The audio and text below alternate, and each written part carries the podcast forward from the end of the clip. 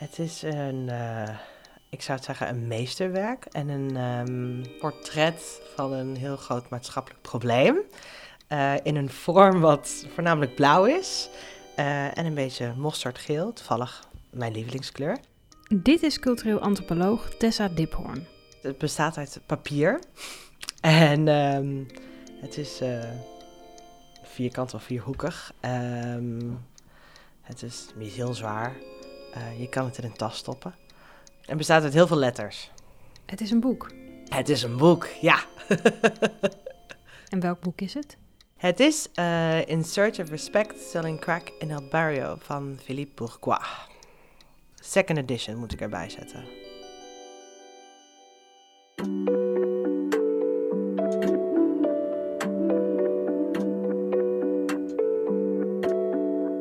Je luistert naar het Nachtkastje van, een podcast van Studium Generale van de Universiteit Utrecht, waarin we wetenschappers interviewen over opmerkelijke inspiratiebronnen. Verhalen over objecten, ideeën of personen die carrières hebben beïnvloed en nieuw licht schijnen op onderzoek. Die je altijd bijdraagt en zomaar op je nachtkastje zouden kunnen liggen. Mijn naam is Tessa de Vries en deze keer ben ik op bezoek bij naamgenoot Tessa Diphoorn cultureel antropoloog aan de Universiteit Utrecht. Nou, dit is misschien wel een goeie. Zal ik het gewoon voorlezen? Oké. Okay. Het is het Engels, maar goed. This book consequently confronts the contradictions of the politics of representation of social marginalization in the United States by presenting brutal events uncensored as I experienced them or as they were narrated to me by the perpetrators themselves. Je hoort een korte passage uit In Search of Respect van de Amerikaanse antropoloog Philippe Bourgois. Een klassieker binnen de antropologie, die Tessa voor het eerst las tijdens haar studie. Het gaat eigenlijk over een bepaalde wijk in New York, een super gemarginaliseerde wijk, um, en waar vooral um, Puerto Ricans, Puerto Ricanen, als je dat zo in Nederland zegt, wonen. En hij woonde daar ook in die straat. Bourgois onderzocht er de wereld van drugsverslaafden en verkopers en dompelde zich er helemaal in onder. Dus hij heeft gewoon dagenlang, wekenlang, maanden, jarenlang heeft hij met hun opgetrokken. Uh, en je krijgt zo'n mooi inzicht in hun dagelijks leven eigenlijk. Je gaat bijna van ze houden, ondanks de, de, de misery, de, de verschrikkelijke omstandigheden waar ze in leven. En ook eigenlijk ook heel veel van de verschrikkelijke dingen die ze eventueel doen. En toch schrijft hij het op zo'n manier dat je er uh, aan de ene kant natuurlijk denkt: oh, dit is echt super heftig. Maar het zet, je, het zet je aan het denken. Dus het zette mij meteen aan het denken eigenlijk over: oké, wat is dit? Waarom hebben we dit in onze maatschappij? Wat zijn de grotere structuren die hierachter zitten? En ik wil dat eigenlijk ook beter gaan begrijpen. Het intrigeerde haar.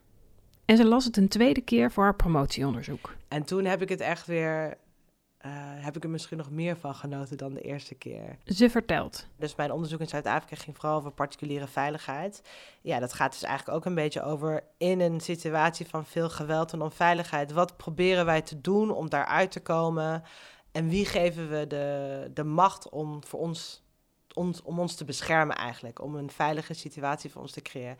En dat vind ik gewoon een hele interessante vraag. Dus vragen we dat aan de politie, vragen we dat aan een private actor of vragen we dat aan een soort van community policing-achtige groep? En, en, wie zijn die mensen die dat nou eigenlijk doen en wat is hun achtergrond waarom doen ze dat?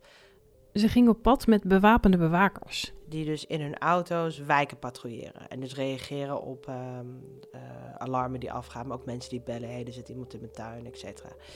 Uh, dus ik ging eigenlijk met die mannen in hun auto mee op hun patrouilles.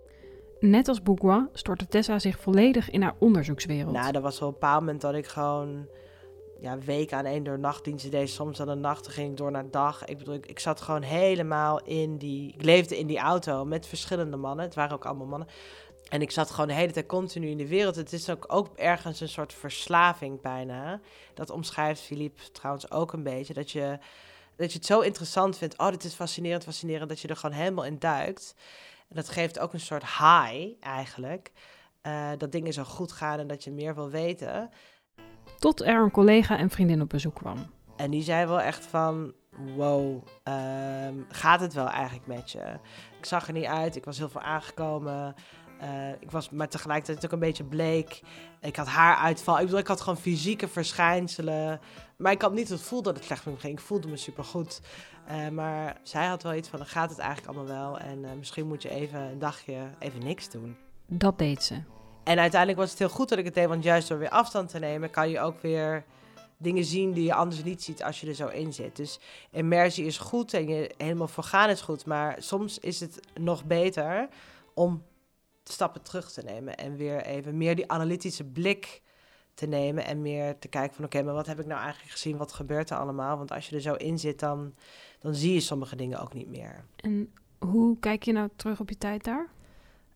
Um, ja, daar heb ik zoveel van geleerd. En um, ja, en dat, daar is het boek ook echt wel een voorbeeld van. Hoe je gewoon helemaal in een wereld kan storten en kan gaan en helemaal in kan verdiepen. En um, ik omschrijf onderzoek ook altijd aan, aan mijn studenten als soort van je komt in een soort onbekend land of stad of plek waar je eigenlijk in het begin helemaal niks begrijpt. Dus dingen gebeuren op een manier die je vaak niet begrijpt.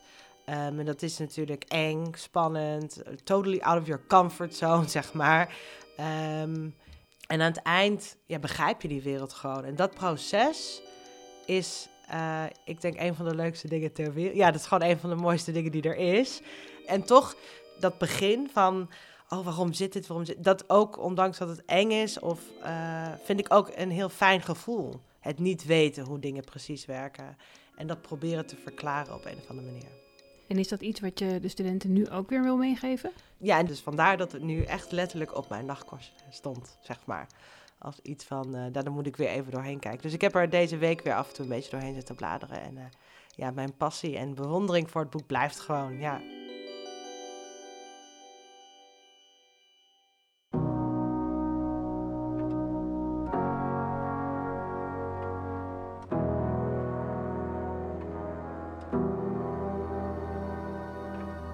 Je luisterde naar het Nachtkastje van, een podcast over opmerkelijke inspiratiebronnen van wetenschappers.